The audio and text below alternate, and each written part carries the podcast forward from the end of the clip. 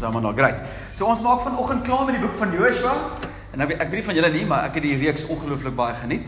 Ehm um, so ons sal die volgende ruk in in ander goedjies rondval en hopelik hopelik eh, gaan ons dan in 'n tyd in waar ons meer gaan uh, praat oor die Heilige Gees en sy bediening in ons lewens en en dat ons hom ken. So ons wil hierdie boek van Handelinge preek hier na die einde van die jaar toe en seker in volgende jaar in. So hou dit 'n gedagte bid vir ons dat die Here daai fondament diep sal lê in ons in ons toekoms. Ons kan nie lewe ons nie 'n toekoms sonder sy krag en sy uh en sy gawes en wat hy wil doen in ons midde nie. So uh, bly asseblief bid vir ons. So die boek van Josua maak ons vandag klaar. En net vir die om te herinner of die wat eerste keer hier is vanoggend. Die boek van Josua vertel op die einde die storie van God se mense wat uiteindelik hulle beloofde land ingaan. So dis 'n dis 'n storie van vervulling, dis 'n storie van klomp oorloë en dan natuurlik die storie van hoe die beloofde land opgedeel was en en uitgeken is aan aan aan God se mense of toegeken is aan God se mense.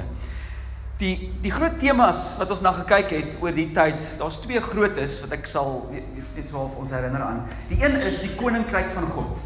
Dit het nog ons daar uitgekom en ek dink heeltyd terug en ek verwys heeltyd terug daarna dat in Josua 5 is daar 'n storie waar Josua voor die eerste oorlog, voor Jerigo, is die eerste, hoe kan ek sê, teenstand wat hulle gehad het in die in die beloofde land. Eh gaan Joshua en hy gaan een aand of ek weet nie presies wat aand was nie, maar hy gaan kyk, hy het seker 'n militêre plan gaan optrek hoe hulle nou vir Jerigo gaan vat.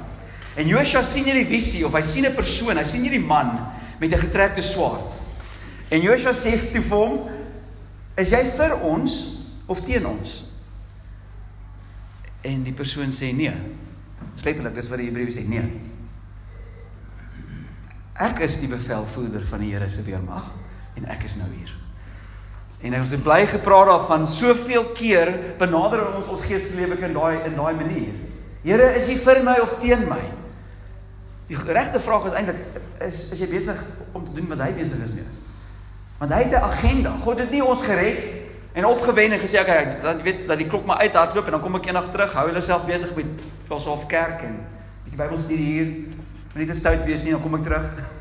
Nee, hy het 'n plan wat hy uitwerk. Hy het 'n koninkryk. Hy het 'n hy het hy het, hy hy's besig om iets te doen. En Joshua moes besef het, "Wow, okay. Eintlik is ons nie deel van wat God mee besig is, wat hy mee besig is." So dis die een tema wat hier uitgekom het. Die tweede tema is die tema van erfenis. Die feit dat daar 'n uitgemerkte toekoms vir die mense van God is. 'n Toekoms waar ons daar's konflik, daar's beloftes van God waarna ons in beweeg. Die oomblik toe jy gered was, was daar hierdie toekoms vir jou bepaal. 'n Toekoms van goeie werke, 'n toekoms van vrugbaarheid in God, 'n toekoms waar sy koninkryk in jou lewe werk en deur jou lewe werk. Maar die waarskuwing is jy kan dit mis. Die eerste generasie mense wat uit Egipte uitgekom het, ons gaan nou weer na daai geskiedenis kyk, het nie ingegaan nie. Hulle het dood gegaan in die woestyn. Nog steeds God se mense, maar dit kort gekom van wat God wou gehad het vir hulle lewens. En ons het gesê dat erfenis is dit waarna ons inbeweeg soos ons die Here volg. Daar's konflik. Daar's heeltyd konflik. Dis die boek en ons het ons het vir 13 hoofstukke of omtrent 11 preke het ons gekyk na die konflik. Nou volg ons die Here maar hier's reuse. Paulus praat van die geloof as 'n geveg. En ons moet besef om in ons beloftes in te gaan is hierdie aktiewe geloof wat ons vorentoe beweeg in die dinge van die Here. So dit is dit is die groot temas wat uitgekom het en ons het in die boek waar ons waar ons is. Ons het ehm um, soos ek gesê het, ons het die eerste paar weke baie gepraat oor die oorlog. So die eerste paar hoofstukke was oorlog. Joshua, nuwe leierskap en die mense kom in en hulle word gekonfronteer deur hierdie stede en hierdie vyande. En ons het gelees van hierdie eh, van Jerigo, van Ai en toe van die Gibeonites en daai twee groot oorloë. En na dit is die militêre mag van Kanaan basies gebreek. En ons het laasweek gekyk en die boek draai so hier van hoofstuk 13 af. Kyk ons na die verdeling van die land. En as jy al ooit deur die Bybel gelees het, sal jy agterkom daai is nog ons moeilike leeswerk. Dan lees jy van hierdie stad en hierdie name, dis moeilike name van hierdie berg tot by daai reeks. Dis eintlik 'n bietjie boring. As ek nou maar vir daai mense was dit hulle titelakte. Dit was die titelakte van dit wat God beloof het. Hier is joune, is jou beloofde land. So ons is op daai punt en ons het laasweek gekyk na na na Caleb en ons het gesien dat hy uh sy erfenis gekry het en ons het geleer dat erfenis op die einde van die dag is beloning. Daar is so iets soos beloning in die Christelike lewe. Hier en daai dag wanneer ons voor God staan, sal daar beloning wees vir die wat getrou God gedien het. Daar sal ook 'n element wees in Korintiërs waar dit sê wat jou die werke opgebrand word en jy gaan amper hoe maak as jy sê mag jy mannetjie vir my. Ehm um, daar gaan 'n element wees vir mense wat amper asof hulle deur die smoking section gekom het in die hemel kom. Hulle is in die hemel heeltemal geregverdig in God se oë, maar daar's niks om voor te wys nie. Daar's nie goeie werke nie. Dit wat hulle gebou het, het opgebrand op daai finale oordeel. So as jy laas seker aan kyk dat jy erfenis kom na jou toe as beloning vir jou getroue liefde en diens aan die Here in geloof. So ons skiep nou seker omtrent 8 hoofstukke en ons gaan nou hoofstuk 24 tot die einde. So dit is net die verdeling van die land wat ons nou gaan skiep. Ek dink dit sou sal 'n moeilike preekreeks gewees het. So in hoofstuk 23, ons gaan by 24 kom. Hoofstuk 23 sien ons vir Joshua praat met die leiers en hy sê, "Okay boys, ek is oud en ek is amper op pad. My my tyd het gekom. Ek is ek is klaar." En hy praat met hulle en hy en hy en hy moedig hulle aan. En um, in Hoofstuk 23 sê ook die hele land is nou verdeel. Hulle het die grense uitgesit, maar wat ons nie besef nie is nie al die die nie al die land is in besit geneem nie. Ek dink op die stadium was dit ek dink maar 20% van die land wat hy uitgedeel het. Nee, daar was nog stede wat klaar toegeken is aan Juda en Benjamin en al daai al daai stamme, maar hulle moes nog ingaan. So die werk van God moes nog in 'n vorige of toekomstige generasie aangegaan het. En ek dink in dieselfde manier saans vandag hierso, ons kyk terug en ons sien, "Wow, Here, dis wat U gedoen het." Maar wow, daar's nog soveel meer. Daar's nog werke vir ons. Daar's daar's land om te vat. Daar's daar's erfenis vir ons om in besit te neem wat die Here vir ons het. So kom ons so in ons teks wat ons basies gaan sien vandag is Joshua se finale preek. Sy laaste toespraak. Bryward speech aan die nasie. En hy maak hulle almal bymekaar by Shechem, is hierdie spesiale plek in die beloofde land, ons gaan nou daarby kom. En sy boodskap is basies dit: Dien die Here. Maar as jy nie dink is cool nie, kies wie jy gaan dien. Maar ek gaan die Here dien. So basies vanoggend is die boodskap? Kies wie jy gaan dien. So kom ons lees Joshua 24. Vers 1. So Joshua gathered all the tribes of Israel to Shechem and summoned the elders, the heads, the judges and the officers of Israel, and they presented themselves before God. And Joshua said to all the people, Thus says the Lord, the God of Israel, Long ago, your fathers lived beyond the Euphrates, Terah, the father of Abraham and Nahor, and they served other gods.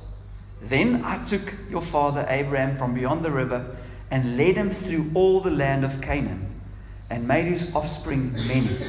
I gave him Isaac, and to Isaac I gave Jacob and Esau, and I gave Esau the hill country of Seir to possess. But Jacob and his children went down to Egypt. And I sent Moses and Aaron, and I plagued Egypt with what I did in the midst of it. And afterwards I brought you out. Then I brought your fathers out of Egypt, and you came to the sea, and the Egyptians pursued your fathers with chariots and horsemen to the sea. And when they cried to the Lord, he put darkness between you and the Egyptians, and made the sea come upon them and cover them. And your eyes saw that I did what I did in Egypt. But you lived in the wilderness a long time. Then I brought you to the land of the Amorites, who lived in the other side of the Jordan. They fought with you, and I gave them into your hand, and you took possession of their land. And I destroyed them before you. Then Balak, the son of Zippor, king of Moab, arose and fought against Israel, and he sent and invited Balaam, the son of Beor, to curse you. But I would not listen to Balaam. Indeed, he blessed you. So I delivered you out of his hand, and you went over the Jordan and came to Jericho. And to the leaders of Jericho fought against you, and also the Amorites, the Perizzites, the Canaanites, the Hittites, the Girgashites, the Hivites, and the Jebusites. And I gave them into your hand. And I sent the hornet before you, which drove them out before you, the two kings of the Amorites. It was not by your sword or by your bow. I gave you a land on which you had not labored and cities that you have not built, and you dwell in them. You eat the fruit of vineyards and olive orchards that you did not plant. Now, therefore, fear the Lord and serve him in sincerity and in faithfulness. Put away the gods that your fathers served beyond the river and in Egypt and serve the Lord. And if it is evil in your eyes to serve the Lord, choose this day whom you will serve. Whether the gods of your fathers, uh, or whether it's the God of your fathers served in the region beyond the river, or the gods of the Amorites in whose land you dwell. But as for me and my house, we will serve the Lord. Ons bid. Jo, Here, ons wil hierdie woorde hoor. Ons, ons wil amper onsself sien in daai vlaktes daar in Shechem. En ons wil hierdie ons wil die woorde hoor van hierdie ou getroue dienskneg van U. Wat oor die vlaktes gebilder het en gesê dien die Here. Vanoggend wil ons daai stem hoor vanoggend. Here, ons wil die Heilige Gees hoor wat ons uitdaag en oprig om U te dien in die toekoms in. Vader, elke woord wat vanoggend gepraat is wat nie volgens die woord is nie, mag ons dit vergeet. Maar as daar wat wat volgens die Gees is, wat U Heilige Gees beplan en bepaal, mag dit diep sny in ons harte. Mag dit mooi vrug bring in ons harte. Ons bid dit in Jesus se naam. Amen. So ek het vir julle gesê in hoofstuk 23 praat hy met die leiers en hy sê vir hulle, "Oké, okay, ek is op pad uit. My tyd het gekom." En hy gee hulle 'n paar instruksies. En as jy bietjie verder gaan lees in hoofstuk 24 en vers 29 sê hy, "And after these things, Joshua, the son of Nun, the servant of the Lord, died, being 110 years old." Ek hou nog ons daarvan dat hy hy som die opsomming van sy lewe is dit: servant of the Lord. Dit is nogals interessant. Heeltyd lees jy van uh, uh Joshua the son of Nun, maar aan die einde sê die skrywers Joshua die dienskneg van die Here. En ehm um, dit, dit laat my nog ons dink aan aan Jesus se gelykenis. Ek weet nie of julle kan onthou nie toe uh, uit ehm um, Jesus vertel 'n gelykenis en hy sê dis dit is hoe die koninkryk van God is. Dis soos 'n eienaar wat weggaan en sy en sy eiendom in in sy diensknegte se hande los. En vir een gee hy 5 talente en een gee hy 2 en vir een vir die een een ons ken die storie uh die een wat 5 het gaan maak nog 5, die een wat 2 het gemaak nog 2 en die een wat 1 gehad het gaan bære dit. En toe kom 'n dag wat die meester terugkom en hulle moet nou kom rekenskap gee van hoe hulle gehandel het met sy eiendom. En uh na na die eerste 2 gekom het sê hulle wel of die Matteus 3:25 sê dit his master said to him well done good and faithful servant. You have been faithful over little I will set you over much. Enter into the joy of your master. Selfde idee, die well done good and faithful servant. Die opsomming van Joshua se lewe is dit servant of the Lord. En ek dink op die einde van die dag kan ek sê is dit is dit is die hoof hoof kan ek sê hoof tema of hoof boodskap hierso dien die Here. Op so 'n manier dat dit die hoof opsomming van jou lewe sal wees aan die einde. Richard, servant of the Lord. En ek dink dis baie keer waar ons dit is, ons ons ons dien op ons hande agter ander goeders aan ons ons vandag kyk, wat beteken dit om die, om die Here te dien? So my eerste punt uit hierdie teks uit van wat dit beteken is dit. Om God te dien met vreugde en oorgawe is die enigste gepaste reaksie wanneer ons sien wie hy is en wat hy gedoen het. Ek sal weer sê om God te dien met vreugde en met oorgawe is eintlik die enigste gepaste reaksie. As ons raak sien wie hy is en wat hy gedoen het. Daai vers, daai vers 14 Dis nog 'n interessante manier om dit te sê. Hy sê dien die Here en dan sê hy of of wat voor daar kom vers 14 sê hy now therefore fear the Lord and serve him. So ek ek ek, ek hoop ek het julle al iets geleer as jy therefore sien dan moet jy vra wherefore? Is it therefore therefore? En die eerste 13 verse breek hy op en hy sê as gevolg van dit dien die Here. Nou as ek kan opsom wat in vers 1 tot 13 gebeur het kan ek dit so opsom. God se genade. Grace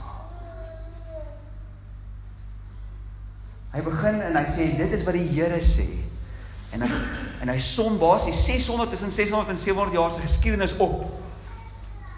Dan sê hy, nou as gevolg van dit wat hier gebeur het, dien die Here.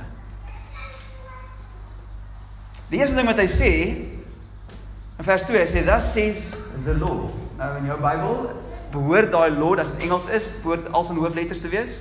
As die Afrikaanse Bybel het mag dit dalk Heer wees wat ook hoofletters is. Maar daai woord is Yahweh. Dis die naam van God.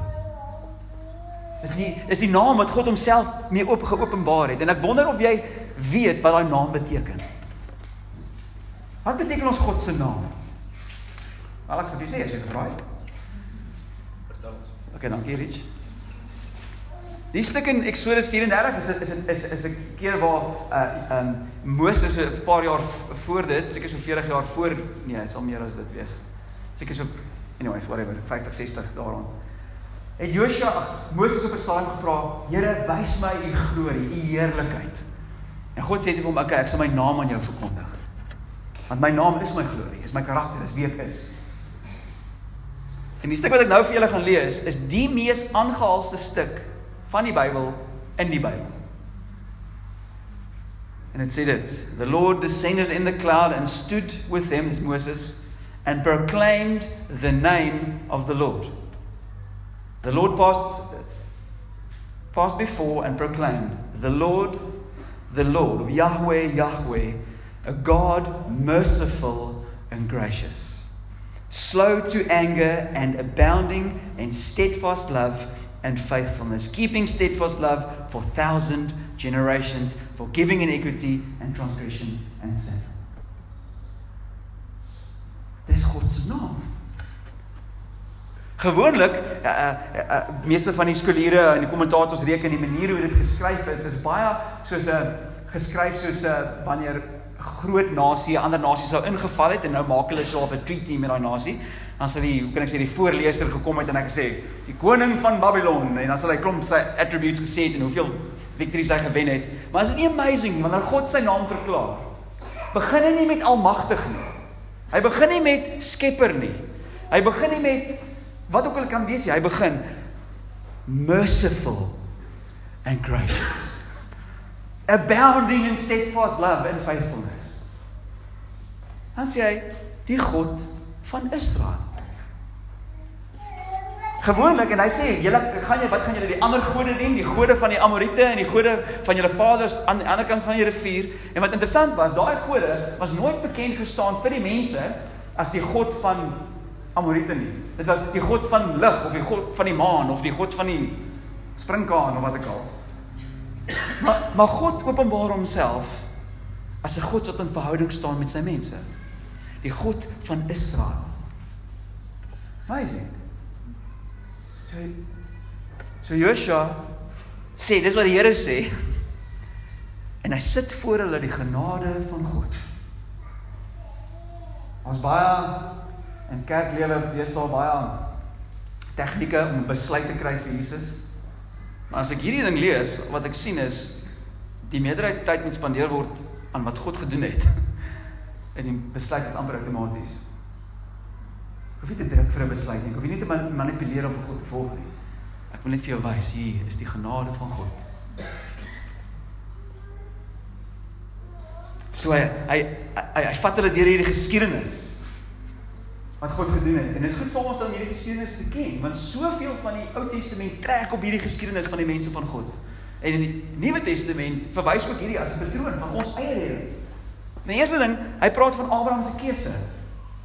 Hy sê God het Abraham terwyl hy die maan aanbid het, ander kan die Eufrates rivier, hy het ander gode aanbid, het hy hom gevat. Hy het nie vir hom gesê gehoorsaam die wet van Moses, besny jouself. Hy het letterlik hom gevat en hom gekies en ons verstaan nie hoekom nie. Nie omdat Abraham enigiets in homself gehad het omdat God hom gekies het nie. God het hom gekies omdat hy hom gekies het omdat God goed is. En God het hom gekies en beloftes aan hom gemaak. Ek sal jou seën. En deur jou sal die nasies geseën wees. En interessant, die eerste plek waar Abraham die beloftes gehoor het was by Shechem geweest. Dis waar hy die eerste altaar gebou het, Genesis 12. Op haarselfde plek. Waar hy die nasie toespreek, sê hy, Abraham, ja, julle julle die die feit dat jy 'n Christen is vandag is omdat God gekies het Iewers het was daar genade in jou voor uh, iewers met jou voorouers het God was daar 'n lewe om mense het gekies, jy het in dalk in 'n Christen heritage groot geword. Hoekom? Omdat jy oulik is? Nee, omdat iewers het iemand die evangelie gepreek en mense gered en 'n nasies omgedraai. En selfs nou jou eie redding, God tree in. Jy het hom nie gesoek nie. Abraham het nie God gesoek nie. En dan gaan hy en hy praat van hulle redding. Dan word hulle 'n nasie in in in in Egipte. En hoe bevry God hulle? Deur die bloed van hulle lam. As jy die storie onthou, die 10 plaag kom, hulle is gekneg onder wat basies die superkrag van die dag was. Dit is soos ek het al gesê, dis soos Benin, dis ook Burundi wat deur China verkneg is. Wel, jy het nie 'n kans nie.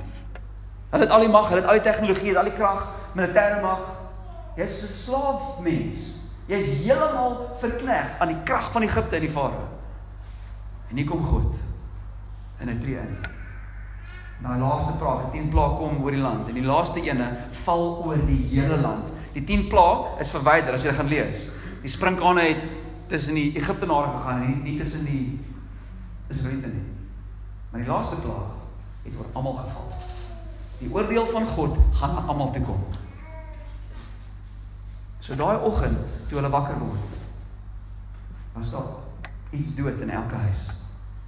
Dit was of 'n lam of dit was 'n eersgeborene kind.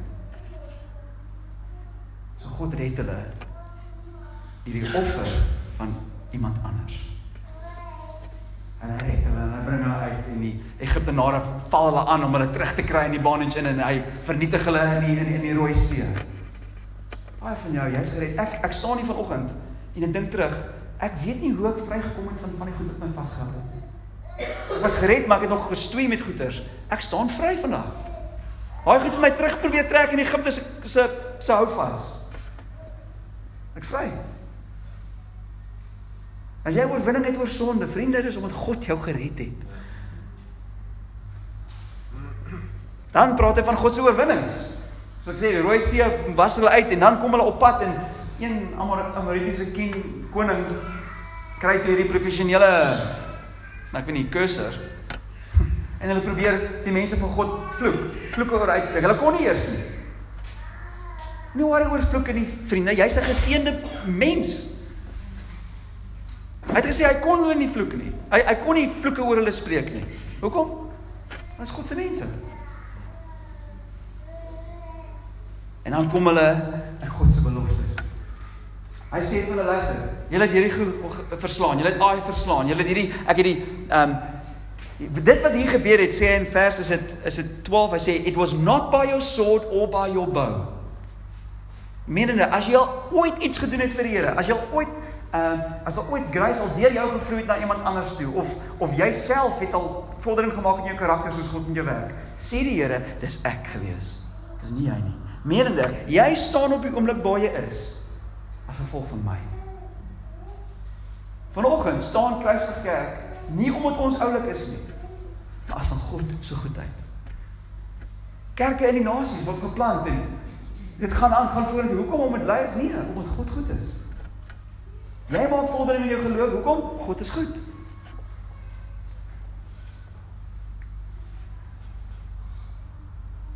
What amazing is, ek weet nie of julle al dit besef het nie, maar Die Christelike geloof kom nie na ons toe met 'n hoe kan ek sê met 'n 'n slim geestelike voorstel nie. Wat ek daarmee bedoel is meeste ander gelowe kom met jou met so 'n tipe van 'n filosofie of 'n geestelike argument. Ons geloof kom na ons toe met geskiedenis. Daar was regtig 'n man met die naam Jesus wat regtig in Jerusalem rondgeloop het wat regtig gekruisig was. En wat nou heers aan die regterhand van God wat opgestaan het. So ons geloof is in geskiedenis en jy kan sê jy weet hierdie mense, party van hulle was nie daar toe hulle uit Egipte uit gekom het nie.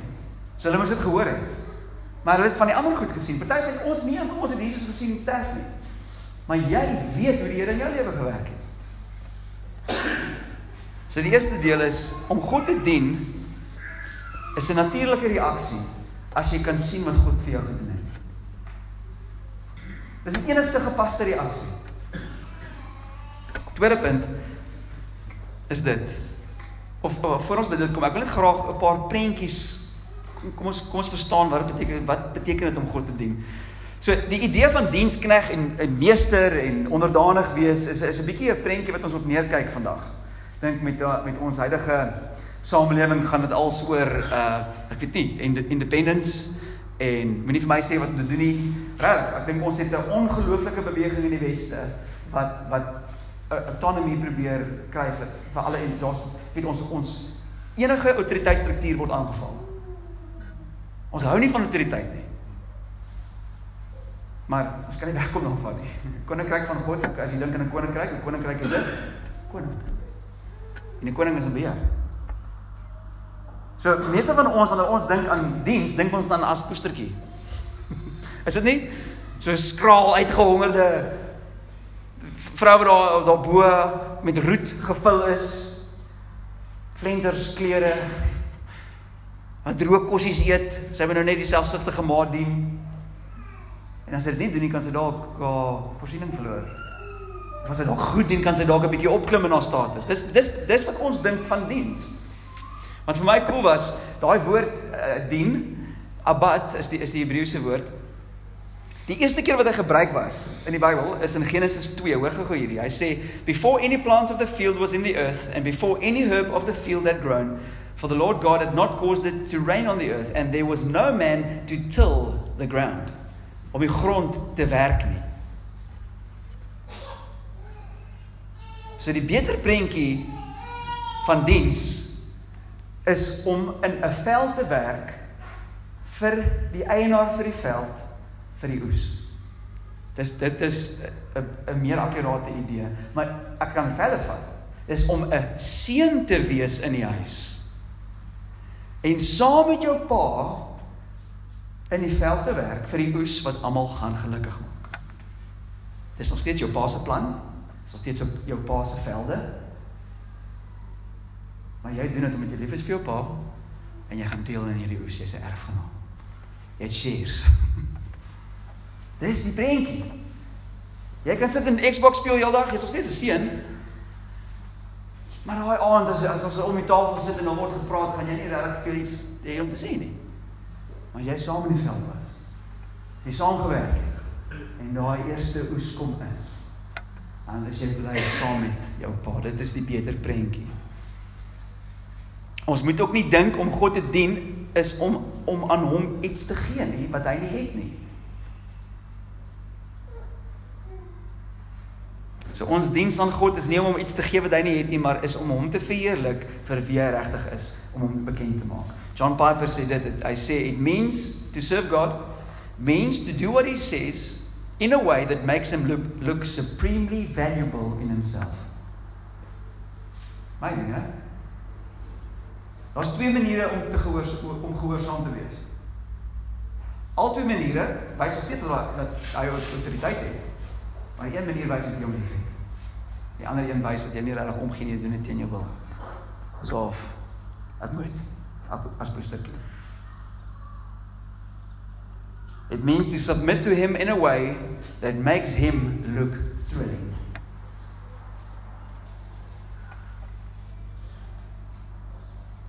Om God te dien beteken jy gee jouself en jy spandeer jouself vir sy roem en eer en vir sy wil. So ek het gesê, God het 'n plan. Hy hy het 'n oes. Hy het sy wêreld, dis sy mense, dis sy plan, dis sy geskiedenis en hy beweeg dit na 'n punt toe waar die hele mensdom en die geskiedenis opgesom sal wees in sy seun, Jesus. Vraag is, deel jy in daai storie? Gee jy jouself met vreugde, jou geld, jou tyd, jou talent, jou denke en jou hart is al syne. Dien jy die Here? Tweedens Die eerste punt is om hom te dien is die enigste natuurlike reaksie op sy genade. Tweede daar is 'n keuse om te maak vir wie ons dien. Om God te dien is 'n keuse. Maar jy moet jou opsies verstaan. Ek weet nie of jy dit raak gesien het nie. Dit is 'n opsie van wie en wat en nie 'n opsie van of nie. Het julle dit gehoor? Die opsie is 'n opsie tussen wie en wat en nie 'n opsie van of nie. Ek het vanoggend lekker Bob Dylan geluister. Ken jy daai song? You've got to serve somebody? Is al iemand wat dit ken? Is dit net dan? Okay, ek gaan net cool, ek Bob Dylan quote. Hoor gou, hoor gou hierdie lyrics. Hy sê, "You might be a rock and roll addict prancing on the stage. You might have drugs at your command, women in a cage." Hectic. You may be a businessman or some high degree thief. They may call you doctor or they may call you chief, but you've got to serve somebody.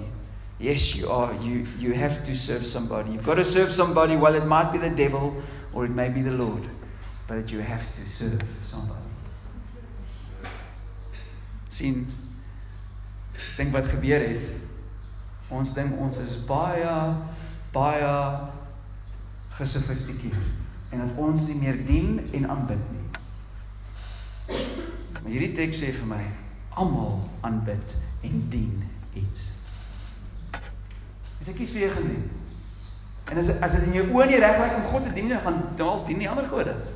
Hy het gesê jy moet nie God dien nie, want as jy nie vir God dien nie, dien jy iets anders. Ons is gemaak om te dien en dis hoe dit werk. Hy sê if it's evil in your eyes. Ons almal dien vir wat vir ons goed, waardevol en vervullend lyk in ons oë. Ons noem dit afgoderry. Tim Keller sê dit anything more important to you than God anything that absorbs your heart and your imagination more than God anything you seek to give you what only God can give you is an idol is my is is my vergelyking as jy kan hom verniet kry. Nou afgod is enigiets waarna jy kyk en bewonder en in die diepste van jou hart vir jouself sê as ek dit het, dan voel ek my lewe het betekenis. As ek dit het, dan weet ek ek het dit gemaak. As ek dit het, het ek waarde. As ek dit het, is ek veilig en vervuld. Sonder dit kan ek nie vreugde hê nie. You've got to serve somebody. En ons almal dien iemand of iets ons is so gemaak. Ons oë kyk en ons en ons maak 'n keuse en sê yes, daai ding wil ek hê. Want as ek dit het, is ek gered. As ek dit het, is ek geregverdig. Dan beteken my lewe iets. En ons moet besef dat God nie gedien word saam met ander afgode nie. Hy is nie net een van op jou rakkie nie. Hy is die enigste een. Maar dit is dis wat ek wat ons wil doen, is dit nie? En interessant, hy sê vir hulle, hy sê put away the gods. Menende hulle het eintlik uit Egipte nog van hierdie goedjies saamgebring. Hoekom? Want dit was van goud gemaak seker. Hy sê sit dit weg. No one can serve two masters for you either he will hate the one or love the other or he will be devoted to one or despise the other. You cannot serve God and money. Dit is interessant dat Jesus die enigste een wat hy gebruik is geld. Is dit waar? Jep.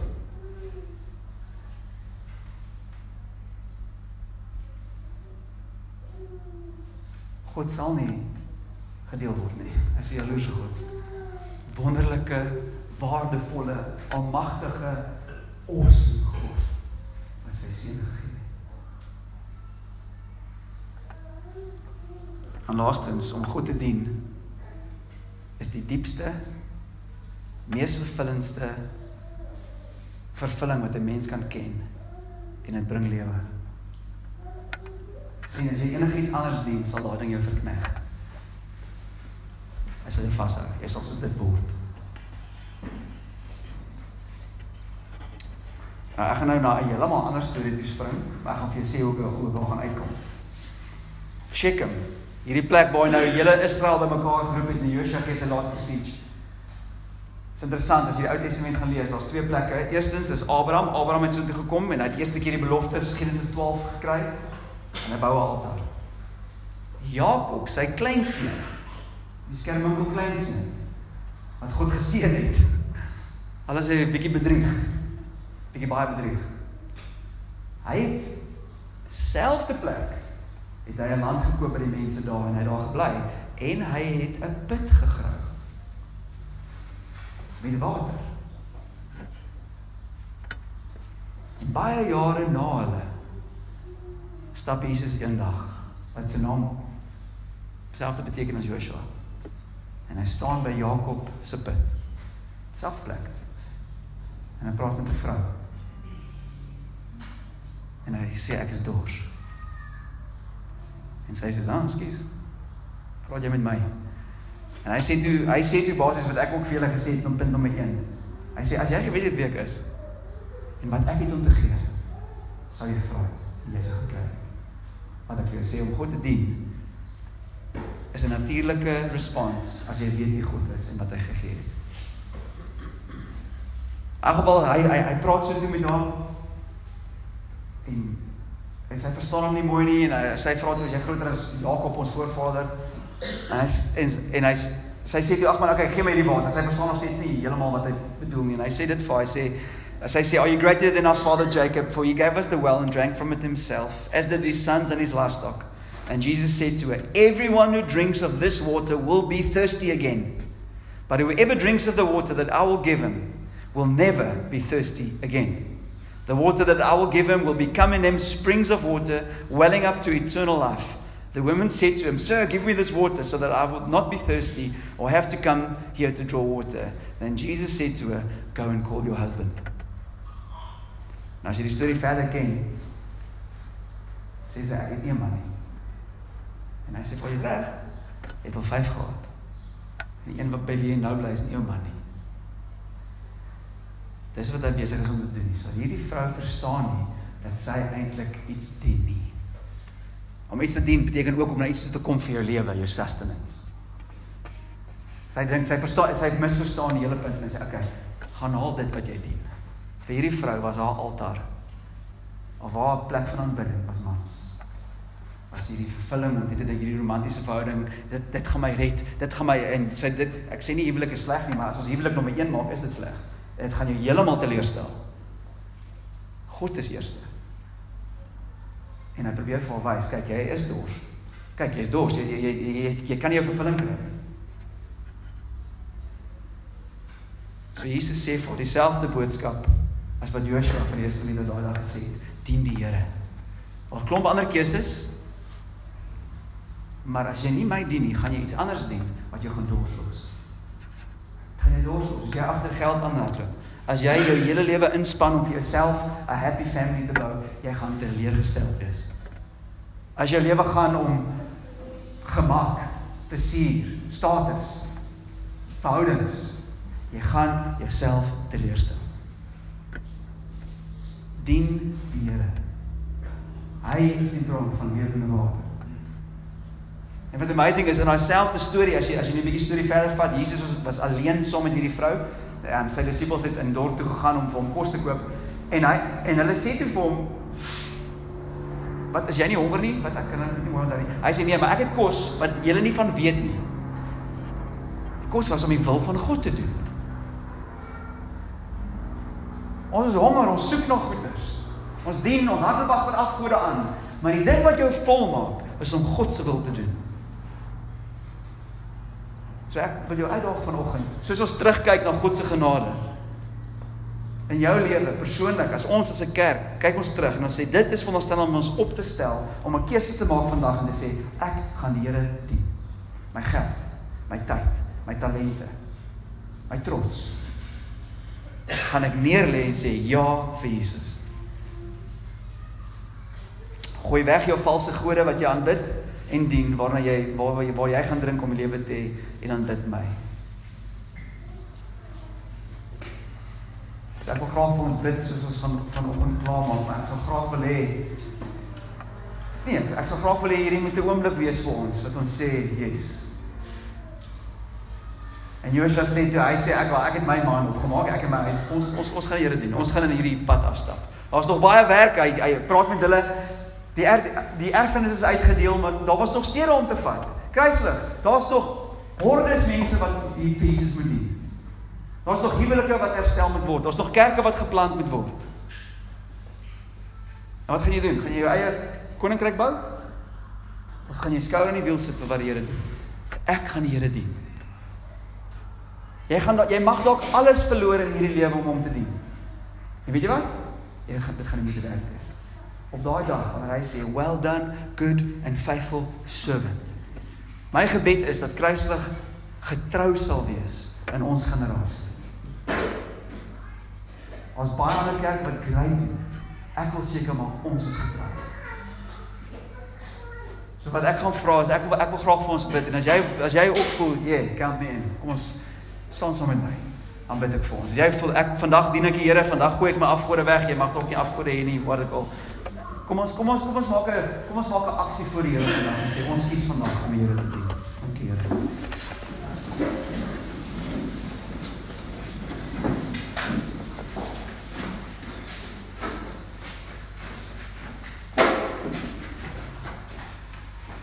Jy mag dalk nog nooit jou geloof in Jesus gesit het nie. En vanoggend kom jy agter dat hy agter jou aankom. Hy is liewer vir jou as wat jy ooit kan droom en jy's bietjie meer sonnig as wat jy ooit kan dink. Maar tog sterf hy vir jou en roep jou om deel te hê van sy storie. Die hele geskiedenis gaan oor die Here Jesus. Dit werk na 'n punt toe waar hy sal verheerlik word bo elke ander naam vir ewig en ewig en ewig. Sit jou geloof in hom, kom na nou na hom toe. Jy kan dit doen, sê in jou eie hart, Here, vergewe my en dankie en aanvaar my in u koninkryk. Nou in jou hart, jy kan dit nou doen. Jy kan nou besluit maak. Vir die res van ons, Here.